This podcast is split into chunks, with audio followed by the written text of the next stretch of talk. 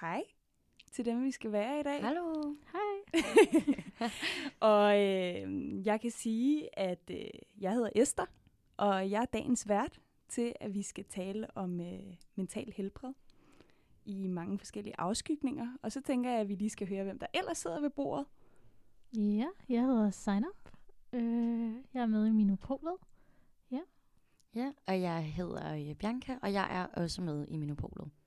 Nå jo, og jeg er med i Mino Outreach, som jeg lige havde glemt at sige. Men øhm, bare lige for at sætte lidt gang i snakken, ikke? skal vi så ikke lige høre, hvordan har jeres dag været i dag? Hvad har du lavet? Øh, julegaveshoppet. Julegaveshoppen. Comes as no Åh, surprise. det- Øh, magasin inde på Kongens Nytorv. Ej, horribelt.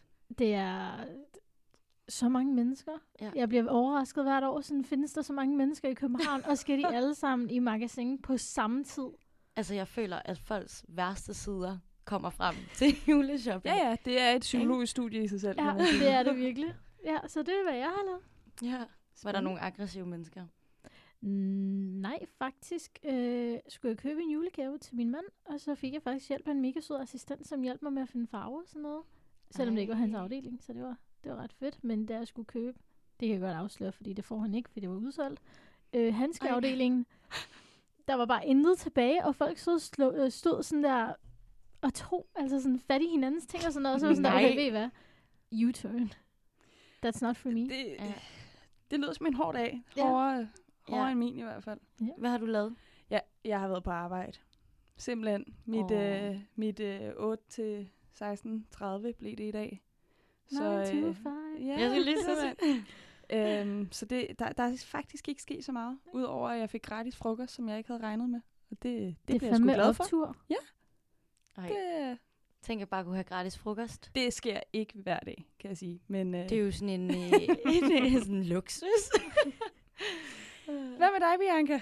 Altså, jeg har jo faktisk bare ventet på det her afsnit, fordi jeg synes jo, at det her, jeg har i hvert fald glædet mig enormt meget til det her. Så jeg har faktisk bare gået og ventet, og har ventet øh, på, at min kæreste kom hjem tilbage fra Tyskland, fordi han tog afsted til Hamburg Og sådan, for to dage siden. Ringede bare til mig i lørdag, sådan her, jeg tager til Hamburg i morgen tidlig klokken 4. Okay, Er det okay? frisk. Spontant. Spontant. Det ville jeg også være, hvis jeg kunne. Ja, Men, øh, same. Nine Så du to har bare- five. Ja, 9 to 5. Nyd jeres frihed. men men øhm, skal vi så ikke kaste os ud i det, hvis du har ventet Jo. hele dagen på at det sidde har jeg. og tage den her snak? og jeg kan jo lige sige til vores lyttere, at øh, det bliver en spændende snak forhåbentlig i dag, og nok også en lidt sårbar en af slagsen. Og, øh, og jeg kommer jo til, som sagt, at fungere lidt som vært. Og jeg kan afsløre, at jeg er psykolog, så det kan også godt være, at jeg smider lidt sådan viden ind ved siden af, men ellers så håber jeg også, at vi alle sammen kommer til at dele lidt af vores erfaringer og oplevelser. Ikke? Men øhm, til at starte med, der kunne jeg godt tænke mig sådan at høre lidt om, hvad jeres oplevelser med mental helbred er. Ja, altså jeg kan godt lægge ud. Øhm, jeg startede med at gå til psykolog, da jeg var 13. Øh, det har jeg faktisk gået til lige siden, men det var mest fordi, jeg fik en spiseforstyrrelse. Øh, og så har jeg været sådan meget ind og ud af psykiatrien og du ved, alt form for self-help og recovery og sådan noget. Så sådan lidt, jeg har haft lidt Wow. med det at gøre Ja. igennem livet. Hold da op. Så siden du var 13 år, og, og, og hvor gammel ja. er du nu? Jeg er 23, så, 23, så det er 10 år, 10 10 års jubilæum. anniversary. Simpelthen. Ja, øhm, men altså, min spiseforstyrrelse er meget bedre nu. Okay. Øhm, men jeg synes, jeg, jeg har det stadig godt med at tage til psykolog en gang Mm. imellem. Mm. Bare lige. Har det så Check været den samme psykolog, du har haft? Nej, sjov historie. Jeg har haft 14 14 psykologer? På 10 Ja. år. på 10 år Uh. øhm, i Danmark og i Pakistan. Øhm, mest fordi, at jeg nægtede at samarbejde. Øh, jeg var meget trodsig, og så øh, fik jeg dem jo bare skiftet ud ofte, fordi der var mange, der ikke gad øh, mig efter en periode. Og så fandt jeg faktisk en psykolog, jeg var virkelig glad for, og hun lovede mig sådan, hun, she will not leave me, og så blev hun gravid to måneder efter. og så Nej. Men nej, jeg har, øh, altså de sidste tre år har jeg haft en, og hende er jeg virkelig glad for. Hun er fantastisk. Ej, hvor dejligt. Mm. Ej, det lyder rart. Mm. Så du har simpelthen øh, masser af erfaring. Ja, Vi kan man sige. Med her, her med en, der har 10 års erfaring simpelthen. Mm. På godt og ondt, kan jeg forestille mig. Ja. Har du lyst til lige at fortsætte? Uh, ja. Jeg tror, øh, min erfaring har været lidt mere for nylig. Altså, Mhm. jeg tror, øh, jeg har godt lidt haft noget, da jeg gik i gymnasiet. Og jeg har lagt mærke til, hvad der også, også har været et problem den her gang, har været så snart, at jeg bliver presset ud, eller er i dårlige hvad kan man sige, miljøer, eller sådan steder, hvor jeg ikke føler mig tryg, eller hvad kan man sige, grebet. Så er det Mhm. som om, at jeg bliver øh, virkelig, hvad kan man sige, presset ud til et punkt, hvor jeg ikke lige kan sådan kapere med det, eller sådan passer på mig selv. Øhm, og jeg havde det også lidt i gymnasiet på et tidspunkt, men jeg tror bare sådan, det er en kultur, det ligger nok lidt, jeg har asiatisk baggrund, jeg har filippinsk baggrund, og i den kultur, så ligger der bare, der er ikke noget, der hedder mental helbred. Der er ikke noget, der hedder en depression, eller angst, eller at være ked af det. Der er noget, der hedder, du fortsætter, for du har ikke tid til at være ked af det. Og jeg tror, tilbage i gymnasiet, så ignorerede jeg det bare. Jeg tænkte bare, det skal nok gå over. Og det har det så, jeg ved ikke, om det er gået over, men måske bare holdt en pause. Eller så har jeg bare været, det ved jeg ikke, blind for, at det var der. Men for nylig, så har jeg så selv skulle håndtere det her med at have en depression. Og at have enormt meget angst. Altså, hvor at det er noget, jeg har med mig i hverdagen. Mm. Og det var, det er noget af det hårdeste nogensinde. Fordi jeg var aldrig nogensinde klar til at håndtere det, når jeg i mit hoved bare har tænkt, det sker ikke for, for en, sådan en som mig. Mm. Altså, jeg har styr på det. Jeg har min checkliste og alt sådan noget. Så hvorfor, hvorfor er jeg lige pludselig blevet deprimeret? Ja. Så det, det er, hvad jeg har oplevet med det lige nu. Og jeg synes egentlig, du siger noget spændende der, Bianca. Sådan en som mig. Fordi hvad, hvad er det egentlig, vi har forestillinger om? Hv- Hvem er det, det rammer, når man har det mentalt dårligt? Ikke? Altså, og, og jeg tror, der er mange, der går og tænker, ej, det, det er ikke sådan en som mig. Jeg, jeg har det jo meget godt, og jeg øh, har klaret det og det, og så videre, og så videre, indtil det rammer. Præcis. Mm. Og man har et, et eller andet billede af nogen, der er dem, dem som angst rammer, Mm. eller et eller andet. Det er meget sårbart, men det er det bare ikke. Og hvis vi ser, altså vi ser jo på, på statistikker, at unge mennesker i dag har det, undskyld, mildest talt af helvede til. Ja. Mm. Og det bliver Så kun rigtigt. værre. Mm. Og så kan man jo spørge sig selv, er det fordi, vi er mere sårbare? Eller er det også fordi, at den verden omkring os ikke tillader os at være det sted i livet, som vi er? Nej, det tror jeg faktisk er en virkelig god pointe, fordi Mhm. jeg tror, du ved, sådan, det er som om, at man ligesom følger tiden, eller folk siger sådan, at vi har flere muligheder, og vi har det bedre, og vi har verden, altså vi har alt, hvad vi kan bede om lige nu. Altså vi er heldige, vi er privilegerede, vi skal ikke tænke på at betale for skole, altså vi har det langt bedre end de fleste. Så det er som om, man ligesom siger, "Mm, så skal I ikke have det bedre, eller nej, så skal I ikke have det dårligere. Sådan, så har I nærmest ikke ret til at have det dårligt om det er for en dag, eller om det er i en længere periode. Det er også bare virkelig forfærdeligt, ikke? Fordi så sidder man og har det dårligt, men så får man det endnu dårligere, fordi man føler, at man ikke har ret til at have det dårligt. Og Ej, det er det kronisk skyldfølelse. Det mærker jeg i hvert fald. Øhm, hele tiden, og være, altså jeg har det, jeg ved godt, at som pakistansk kvinde, øhm, har, jeg- der bor i Europa, er jeg meget mere privilegeret end andre pakistanske kvinder, mine kusiner, mine fædre osv. Så når jeg føler mig ultra presset over universitet og arbejde og Mm. andre ting, og kan mærke, at du ved, det er hårdt, så er det som om, jeg giver mig ikke selv lov til at have det dårligt, fordi at, jamen, jeg har det så meget bedre. Jeg kunne være i en meget Så værre situation. Øh, og så tror jeg bare, at det, det skaber sådan en boble, der på et eller andet tidspunkt kommer til at springe. Øh, men den springer i to faser, ud af at det, man reelt set har det dårligt, og i skyldfølelse. Så er det sådan to, synes jeg, sådan, altså, det er to ting, man balancerer med hele tiden. Ja. Øhm, Overhovedet at sådan finde ud af, om man faktisk er berettiget. ja, Mm. Ja. Am, altså har man det dårligt, men også må man have det dårligt bagefter, Mm. ikke? I, altså, i- det er så, jeg synes, det er så vigtigt, at I kommer ind på det, fordi det, det er noget, der er overset. Man kan sige, hvis vi havde sad og havde den her snak med folk, der var helt etnisk danske, så tror jeg helt sikkert også, de kunne have det rigtig svært. Det har de. Slet ikke for at underkende det. Men der er et ekstra lag, når man er minoritet. Mm. Og det er ofte, hvis ens forældre kommer fra dårligere kår, eller man godt ved, hvad hvis jeg var født et andet sted. Så kommer den der, ej, du kan faktisk ikke tillade dig at have det dårligt. Du er så privilegeret. Den der ekstra stemme, der hele tiden siger noget til en om, det Nå, kan du ikke tillade dig. Mm. Og det er sådan et ekstra lag, der også afholder mange minoriteter Mm. i at søge hjælp. Ja. Fordi forældrene, måske har en- er ens forældre flygtet, man er selv flygtet måske. Det her med sådan, ej, hvad med, mine forældre har oplevet meget værre end mig. Jeg skal være taknemmelig. Mm. Mm. Og det er så underkendende af sine egne følelser, at det er farligt i sig selv. Ja. Altså, jeg har, altså det der er med pakistansk kultur, for at lægge et lag på det, det er, at omdømme betyder rigtig Mm. meget. Mm. Øhm, og jeg kommer fra en familie, som har en ret stor omdømme. Øhm, mine forældre er meget respekteret i vores community. Øhm, så for dem at have en datter, der er psykisk syg, øh, det er absolut no-go. Fuldstændigt. Øhm, så det synes jeg altså også, jeg, jeg, jeg har haft en oplevelse med min kusine, som øh, i, i altså da min spiseforstyrrelse var fuldstændig op at køre, da jeg var 15 og så videre, øh, i ramme alvor sagde til mig, at hun kunne ikke forstå, hvorfor jeg havde den, når mine forældre øh, var så gode, øh, og vi havde så meget. Ja. Hun kunne ikke forstå, hvorfor jeg havde det dårligt, og det måtte jeg, altså sådan, hun synes, jeg var virkelig åndssvag, for at sige det mildt. Ja, det er Øh. nærmest som om, at sådan, men ligesom, hvis man har en anden etnisk baggrund, eller, altså det lyder Ja. også, også, også for mig selv, at hvis man har det, hvis man har nogle problemer med sit psykiske helbred. Mm. så er det som om, at man nærmest siger eller viser til andre, jamen så er det fordi mine forældre ikke har været gode nok. Ja, præcis. Ja. Øhm, jeg har ofte, altså sådan, in the storm of it all, hørt fra forældre og familiemedlemmer, være sådan der, øhm, at, at fordi jeg er psykisk syg, så reflekterer det på deres evne til at være forældre. Så der kommer også noget skam indenover.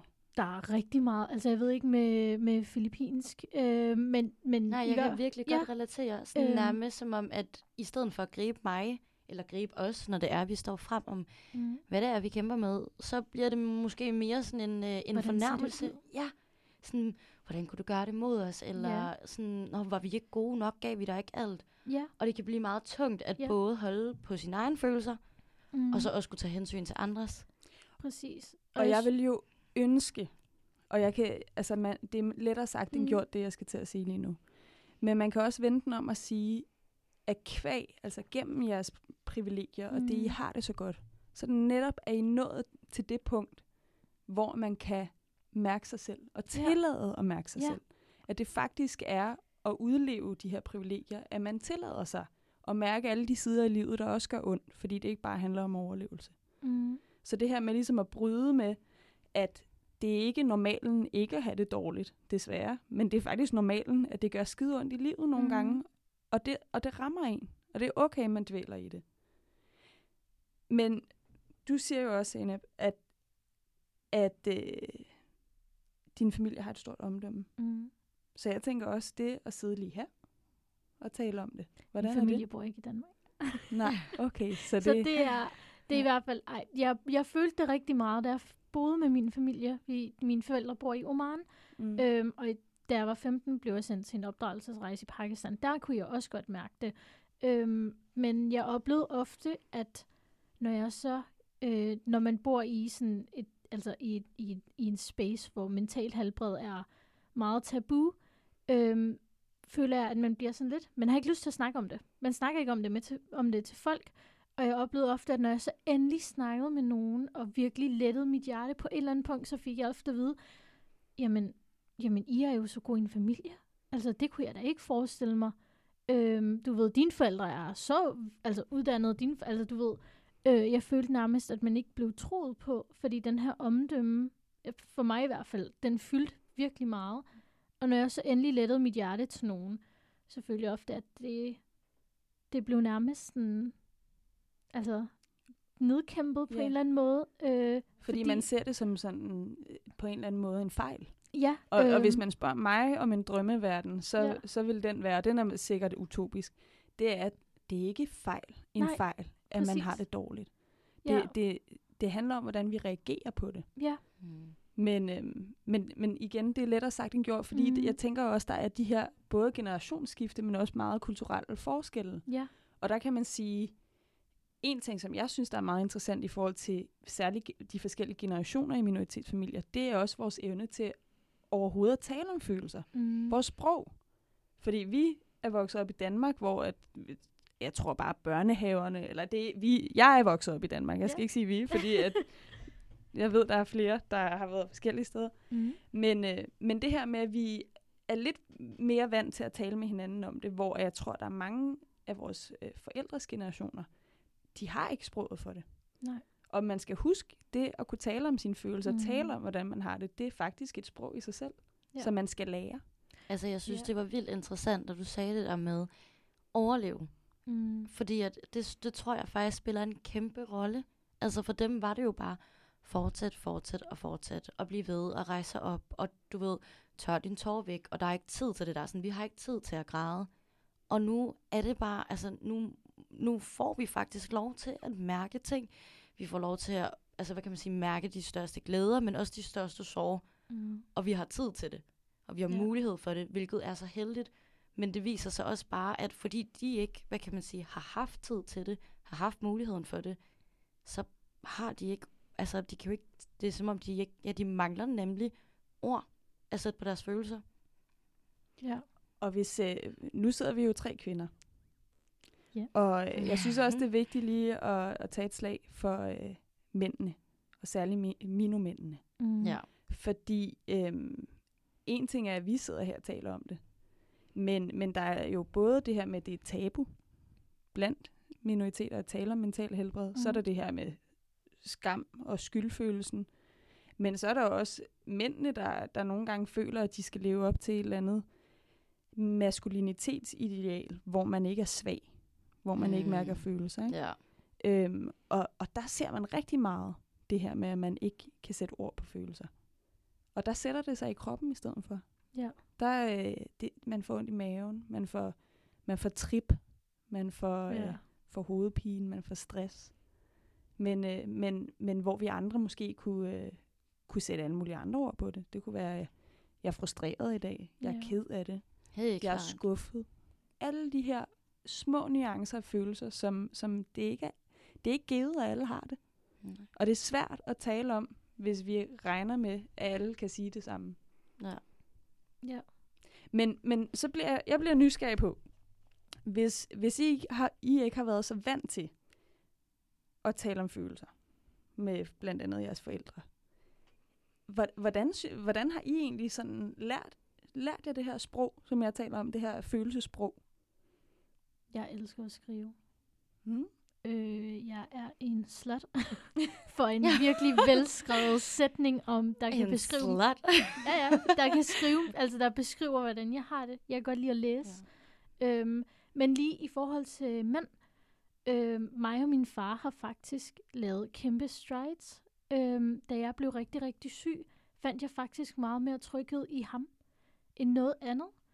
Øhm, vi fik wow. Rykket os så meget, at når jeg havde en virkelig dårlig dag med mad, så var det min far, jeg gik til. Så vi kørte en tur, Hold og så lyttede han til mine følelser, og han hjalp mig med at analysere dem og, og, og snakke om dem. Og det er virkelig ikke normalt i min kultur. Øh, og der vil jeg bare sådan skyde til min far, fordi han altså er en mand, som kom til Danmark, da han var 30, fra en familie, hvor han var den yngste af 12, der aldrig fik ordet derhjemme. Så synes jeg altså, at, at, at man kan sagtens lære det. Man kan Mm. godt lære at snakke sproget, hvis man bare tør er det godt sagt. jeg synes, det var utroligt sindssygt, at min far øh, kunne med, med 16-årige mig, som, du ved, vi kommer fra helt forskellige verdener, selvom det er min far, at han kunne lære at tale mit sprog. Mm. Det kan man sagtens, så det er bare for at sige, at sådan, Jeg er helt enig i, at man kan, Ja. men, men det Ja. kan nogle gange være svært at vide, hvor man skal begynde. Og særligt, det. hvis man også bærer det der i, i, Mhm. i posen med, at man skammer sig, eller man vil ikke lægge, s- altså, man har Ja. skyldfølelse over for sine Ja. forældre osv. Og, så videre, så videre. og jeg plejer også nogle gange at sige, jeg har også siddet over for nogle mennesker, der har haft meget svært ved at sætte ord på deres følelser, og så har jeg sagt, prøv at lytte til noget af den musik, du godt kan lide.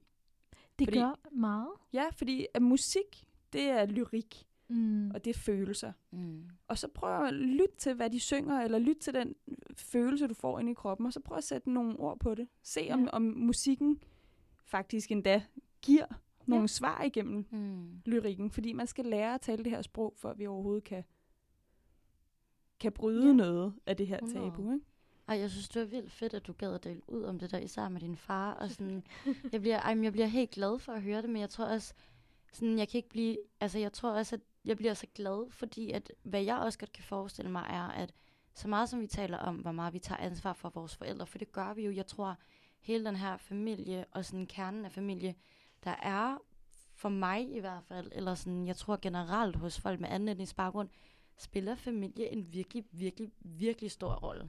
Altså det er ligesom det, man bruger allermest tid på faktisk, det man går mest op i, eller det man bekymrer sig mest om. Men nogle gange så tror jeg også, at jeg tit kommer til at sige, jamen nu øh, giver jeg dem skyldfølelse eller et eller andet, men jeg tænker måske heller aldrig sådan, eller når at tænke, du ved, det må da også være hårdt for dem. Mm. Fordi jeg tror faktisk, at skyldfølelsen går begge veje. At de også godt ja. kan være sådan, har, har jeg ikke været god nok, eller har jeg ikke været der nok for dem? Så jeg bliver bare så glad, når jeg hører, at din far har kunne gøre det, for jeg har også kunne forestille mig, at hvis man ikke er vokset op med at vide, hvordan man skal håndtere det her, med at takle det, eller at acceptere det for det første, at han faktisk har kunne alligevel omfavne dig, og sådan gribe dig, Jamen, når du har altså, brug for det. Ja, jeg respekterer ham så meget. Altså den far, jeg er opvokset med, er meget anderledes fra den far, jeg har nu. Men nu var vi lige til tale minomænd, så vil jeg bare lige. Mm. Altså, og det, det er, er også muligt. vigtigt at det sige, det er ikke alle minomænd. Og nogle gange skal man også give dem en chance. Ja. Fordi man tror rigtig meget, at de vil reagere sådan og sådan, mm. men nogle gange så kommer, det, kommer de bag på en. Ja. Og, og når I siger det her med familie og sådan noget, det synes jeg er meget interessant, når vi tager hele det her, når vi også taler om hele skyld og skam perspektivet. Ikke? Men der er jo noget inden for psykologien, der hedder intergenerationelle eller transgenerationelle traumer. Tell me about it. Ja. Og, og vi skal ikke Nej, have en forelæsning sådan... om det, vel? Men jeg synes, jeg har været meget optaget af det. Nu kommer jeg selv på banen. Fordi at mine bedsteforældre, de er holocaust-overlevere. Mm. Så jeg tænkte, har det egentlig, altså det her kæmpe kollektive traume, har det egentlig sat spor i min familie? Og det, selvfølgelig har det det. Og det er rigtigt, at traumer, de, de rejser ned igennem generationer. Men det bliver sværere og sværere for at få hånd om. Og jeg tror, for mig har det hjulpet enormt meget at få, at få noget forståelse for, hvorfor er min mor, som hun er? Mm. Hvorfor er min familie, som de ja. er? Hvorfor tænker jeg måske på den her måde omkring nogle ting? Og se hele det her traumeperspektiv i, at det faktisk kan rejse igennem generationer. Og det, jeg vil ønske, at der var flere, der sad derude og, øh, og vidste lidt om det her. Så mm. man kunne forstå, at ens reaktioner nogle gange faktisk er helt normale ja. og helt forståelige. Øhm, har du nogensinde hørt om The Mother Wound? The Mother Wound? Ja. Nej. Øhm, det hjalp mig med at forstå min mor, fordi det er der, jeg føler, jeg har mest, når det kommer til familie, altså mentalt helbred, der bare clasher. Øhm, men det er, når man har et, et hul i sig selv, øh, hvor ens mor skulle have været. Det er ofte, jeg oplever med minoritetsetniske kvinder selvfølgelig, øh, deres ægteskaber. Øh, deres måde, de har oplevet kærlighed på, er ofte ikke særlig kærligt. Øh, og det giver de så videre ned til ofte døtre. Øh, hvis der er nogen minoritetsetniske kvinder, der sidder derude, så vil jeg i hvert fald opfordre til at læse om The Mother Wound. Øh, det er, når øh, man bliver født som ens mors bedste ven. Mm. Øh, og det kan bringe rigtig meget sorg, jalousi, uforståelse, clash. Øhm, og en del, som jeg har oplevet, det var at sådan blive min egen mor på en måde. Fordi at, som du siger, min mor, hun er også en kvinde med trauma. Hun har også en kvinde med så meget sorg. Og nogle gange er der bare ikke nok kærlighed til at give af. Og så har jeg oplevet, at jeg ofte har været den, altså den forstående bedste ven. Og i det så har jeg mistet meget af min mor. Mm. Mistet meget at den kærlighed, den omsorg, der også skal være i en relation, i stedet for at jeg bliver mor til min mor. Øhm, men nu hvor du snakker om det, så kom jeg bare i tanke om det, og jeg synes, det er super, super relevant. Øhm, og igen at læse og lytte til ting, ja. altså øh, for at forstå, hvordan man selv har det. Den der følelse af, at man ikke står alene. Og det ved jeg også, du Bianca, det, ja. det, den her øh, episode har betydet meget for dig, fordi jeg tænker mm. også det her med ligesom at bryde det der tabu. Og hvis der er nogen, der sidder derude, der lytter til os og, og tænker, jeg, jeg er en særsnegl, eller jeg har det virkelig dårligt, jeg er den eneste mm. i hele mm. verden, der mm. har det mm. sådan her. At man faktisk kan lytte til noget, og så høre, at man ikke er helt alene. Ja. Jeg tror at virkelig for mig har det været en tryghed. Altså det har mm. været sådan en... Øhm, For jeg har, været, jeg, jeg har været så bange for det her. Jeg har aldrig nogensinde været så bange for noget i mit liv. Og det lyder så fjollet. Altså, hvad skal jeg være bange for? jeg har jo ikke noget at være bange for. Men jeg har aldrig nogensinde været så bange i mit liv, fordi jeg ikke har vidst, hvad jeg skulle gøre af mig selv. Altså, jeg har ikke vidst, hvordan jeg skulle gribe mig selv. Jeg har ikke vidst, hvordan jeg skulle håndtere det her. Og jeg har ikke vidst, om det overhovedet var okay. Så ikke nok med, at jeg ikke engang kunne acceptere, at jeg havde det, som jeg havde det. Så vidste jeg heller ikke, altså ikke engang om, om det var noget, jeg faktisk skulle sådan indrømme. Så jeg kunne ikke engang, jeg nåede ikke engang at passe på mig selv. Altså, jeg, jeg har bare følt mig så alene, og så at vide, at altså, der er nogle andre derude, der også har det på den måde, eller der er nogen, der lytter, der er nogen, der griber mig, når jeg har brug for at blive grebet. Det har været den største trøst i det her. Fordi jeg tror, med min baggrund, så tror jeg virkelig, at men også måske som kvinde, man tager ret meget ansvar på sig selv. Øhm, og med minoritetsetnisk baggrund, så tager man bare meget ansvar for sin familie. Så jeg tror, at man virkelig nogle gange også glemmer, at det er okay at være selvisk. Ja. Altså det er okay, at jeg lige i dag ikke ringer og hjælper, eller henter nogen, eller handler ind for nogen, eller det gør jeg ikke, men altså at jeg bare konstant er der for andre, men, og ikke mig selv. Må jeg, må jeg man kan dig? kun, Oh, sorry. man kan kun hjælpe, sig selv, eller hjælpe andre, hvis man har hjulpet sig selv. Det er jo det. Ja. Og så til dig. Nej, det var fordi, du fortalte lige, så vil jeg faktisk bare spørge dig, øhm, hvad gør du, eller hvad gør I, når den lille stemme i jeres hoved siger til jer, at det ikke er okay, I har det sådan? Hvordan, hvordan rationaliserer jeg jer selv ud af det, hvis I overhovedet kan? Det er så et godt spørgsmål. Mm. Når den lille stemme taler til en. Altså, jeg tror, der hvor, jeg ved ikke nødvendigvis med den lille stemme, men jeg, jeg forstår sådan, jeg tror, der hvor, at, altså jeg, jeg, altså jeg forstår det som, at det der med, at når man bliver ved med at sige til sig selv, det sker ikke. Mm. Altså, man har det ikke dårligt. ja. Øhm, jeg tror sådan som, hvad jeg gjorde ved det bagefter, jeg tror ikke helt, jeg havde et valg, men jeg tror, så stedig som jeg er og var, så valgte jeg bare at ignorere det. Altså, jeg ignorerede det i så lang tid, at jeg på et tidspunkt havde det så ekstremt dårligt, at jeg ender med i en hel uge, fordi jeg bare ignorerede det og prøvede at parkere det og prøvede at glemme det, at jeg vågnede hver dag, altså hver morgen med blodnæs. Fordi min krop simpelthen ikke kunne altså, hamle op med alle de her følelser. Og fordi jeg ignorerede det så meget og i så lang tid, at det nåede til det punkt, hvor min krop begyndte at reagere, før at jeg nåede at reagere personligt. Og der er kroppen ens bedste ven nogle gange, Mm. kan man sige. Ja. Altså, den, den, den siger simpelthen nogle gange bare stop ved at blive syg, eller... Altså, det kan man også se på stresssymptomer jo. Det sætter sig sindssygt meget i kroppen. Og det er på godt og ondt, ikke? Men, øhm, men det understreger jo, at man skal lytte. Ja. At man ikke øh, skal nå derud. Har du så fundet en måde? Øhm, jeg er i gang med at finde, jeg er i gang med at finde en måde. Øhm, personligt har det været, at måske sådan, ja, det har ikke været noget, der har sket over natten. Altså det har ikke været sådan noget, hvor jeg kunne sige til mig selv, ligesom en hver anden situation, nu rejser du dig op. Så nu skal du i gang, nu skriver du dine ting ned på din tjekliste.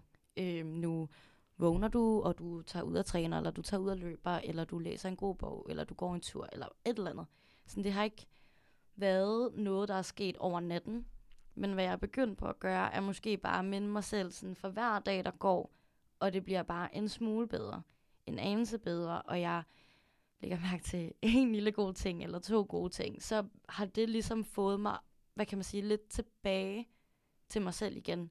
At jeg, jeg på den måde, sådan, det er sådan, jeg har, okay, kan jeg lige starte forfra? For mig så var det meget en, øh, det var ret hårdt, at på en eller anden måde føle, at jeg ikke var mig selv. Jeg, jeg ved ikke, om I kender det, men sådan, jeg følte, at jeg sådan gav slip på mig selv. Sådan, jeg var, øh, jeg var dårlig. Altså, jeg sådan havde faldet, at, altså, jeg, fald, jeg havde faldet af, eller et eller andet. Mm. Øhm, havde mistet mig selv, eller jeg kunne ikke genkende mig selv. Og jeg blev simpelthen så sur over det. Sådan, hvorfor kunne jeg ikke få mig selv i gang længere? Og hvad jeg så har lagt mærke til bagefter, har det været, at jo, en ting er at gøre nogle gode ting i sin dag. At man ligesom fylder sine dage med gode ting og gode mennesker. Men hvad jeg tror, det har bundet i for mig, er fordi, at jeg er sådan en person, som virkelig går op i, at folk omkring mig også har det godt. Altså, jeg kan tit sætte andre først, før mig selv. Øhm, hjælpe andre, før jeg overhovedet hjælper mig selv, eller indser, at jeg skal hjælpe mig selv. Og på grund af det, så tror jeg, at fordi at jeg ligesom har taget nogle beslutninger om, at de ting, jeg kan mærke, presser mig ud til et punkt, hvor jeg glemmer mig selv, hvor jeg overser mig selv, hvor jeg ikke føler, at der er plads til mig, har jeg, altså, så kan jeg mærke det der, hvor at den virkelig grænser op til, at nu skal jeg begynde at lige holde øje med, at jeg ikke ender ud med at få et angstanfald, eller få det dårligt igen. Og jeg tror, det er det, hvad jeg har lært omkring mig selv i den her periode. Og det er, sådan, det er sådan, jeg har håndteret den, hvad kan man sige, den lille stemme, ved simpelthen bare at tage en beslutning om, jeg vil ikke have det sådan her. Mm. Sådan, jeg har prøvet at mærke efter, hvad er det, der gør mig ked af det i min hverdag? Er det folk, jeg er omkring? Er det et dårligt miljø, jeg er i? Eller er der nogle dårlige vaner, eller nogle dårlige sådan, hvad kan man sige, mønstre, jeg sætter mig ind i igen? Jeg vil tillade mig, og der er jo ikke, der er ikke en right or wrong way. Og øh, der, der er ting, jeg siger til andre, hvis jeg sidder og har samtaler med dem, og så er der ting, jeg selv gør. Og det, er ikke, det, er ikke, det jeg selv gør, fungerer ikke nødvendigvis for andre. Men jeg er lidt, øh, jeg er dvæler-typen. Mm. Fordi jeg synes, at vi har for travlt med at sige, at du skal få det bedre. Og, og er der noget, jeg synes, der er træls, når man har det dårligt, det er at få at vide, at man skal have det bedre. Fordi så sætter man endnu mere pres på sig selv. Og man, det gør man i forvejen, når man har det dårligt. Så sætter man meget højere krav til sig selv, fordi man føler, man er sunket helt ned i jorden. Ikke? Så jeg er dvælertypen, og det betyder, at når jeg er ked af det, så, øhm, så prøver jeg at være i det. Mm. Og, og selvfølgelig ikke i mega lang tid, så det jo ender ud i, at det, det depressionslignende symptomer, men, men jeg prøver faktisk at give plads til det. Fordi jeg ser det lidt som et lille barn, der sidder og græder. At hvis jeg lukker døren til det her lille barn, så skriger det endnu højere. Mm. Indtil jeg går hen til det, trøster det, tager det op, tænker, er du sulten? Hvad har du brug for? Og det gør jeg også med mine følelser. Så jeg, jeg prøver at græde ud, tale om det, være i det, lad være med at have travlt over at, jeg, at, at blive glad. Mm. Øh, selvfølgelig, når det så kommer derhen til, hvis man er ked af det i for lang tid, så, så skal man gøre noget ved det. Men jeg tror, man kan tage meget i opløbet, hvis vi også giver, giver plads til, at vi er lidt kede af det. Ja. Også i sociale sammenhænge. Nej, du skal ikke være glad hver gang, vi ses. Nej. Mm. Jeg tror også, det minder mig om noget, min øhm, psykolog sagde til mig engang, da jeg var på opdragelsesrejse. Der var der rigtig meget terrorismeaktivitet omkring os. Øh, og jeg fik en ret slem form for paranoia. Øh, hvis der er nogen, der smækkede med døren for højt, var jeg bange for, nu bliver jeg overfaldet. Brandalarmer, når jeg begyndte at læse i Danmark igen. Det var virkelig svært. Øh, jeg, jeg fik angst så meget, at jeg kastede op. Øh, og jeg tog til min psykolog, og øh, hun lærte mig at takke mine følelser, takke min angst. Øh, så hver nat, da jeg gik i seng, så tjekkede jeg selvfølgelig lige låsen 46 gange. Og så lavede jeg min seng, og så sagde jeg tak til min angst. Øh, fordi den havde beskyttet mig så længe. Men nu boede jeg i et sikkert land, et sikkert sted. Nu kunne jeg godt pakke den væk og lægge den i en boks. Og så skulle jeg nok selv tage den ud, når det var. Øh, og det hjælper også nogle gange. Jeg gør det også med, når jeg er ked af det. Så hvis jeg har været ked af det en dag eller to, så er det sådan, tak til kedeligheden. Den hjalp mig virkelig meget lige nu. Jeg havde brug for det, men nu lægger jeg dig væk. Mm. Fordi jeg har mærket dig. Jeg har taget det op af kassen. I will put you back now. Det hjalp mig i hvert fald utrolig meget. Og sådan, tak min angst, tak mine følelser, tak ja. min kedelighed. Fordi min krop gør det kun for at beskytte mig. Jeg synes, det, det er helt genialt. Altså, det, også fordi, og jeg, jeg synes, vi skal, eller vi skal til at afslutte, mm. desværre. Men, øhm, og der kunne jeg godt tænke mig, at vi lige taler om sådan et godt råd til at, at passe på dig selv kort. Og der, der vil jeg starte lidt i forlængelse af dig, med at sige, at man skal huske at fortælle sig selv, at følelser har en, har en funktion. Mm. De prøver at sige noget ja. til en. Og desto mere vi pakker dem væk, desto højere vil de råbe. Så, så som du siger, tak den tak dem for at komme og prøve at sige noget til en, fordi vi kan ikke komme udenom, livet, det, det kommer også til at gøre ondt. Ja. Øh, og det skal vi bare, det, skal, det må vi lære at være i på en eller anden måde. Øhm, og fejre også, at det gør ondt, fordi mm. så føles det fandme også godt, når det føles godt, ikke? Mm. Ja. Så et godt råd til at passe på sit eget mentale helbred. som måske har fungeret for jer. Altså, mit er faktisk lidt i forlængelse af, hvad du sagde, Bianca. Ja. Øhm, mønstre. Det hjalp mig utrolig meget at finde ud af, øh, hvad der sker, når jeg ikke har lyst til at spise. Hvad er det, der gør? Hvad er det, der trigger? Er det, når jeg har haft et bestemt opkald med nogen? Er det, fordi der sker et eller andet? Er det en følelse? Jeg s- ident- identificer dine mønstre og arbejde dig tilbage.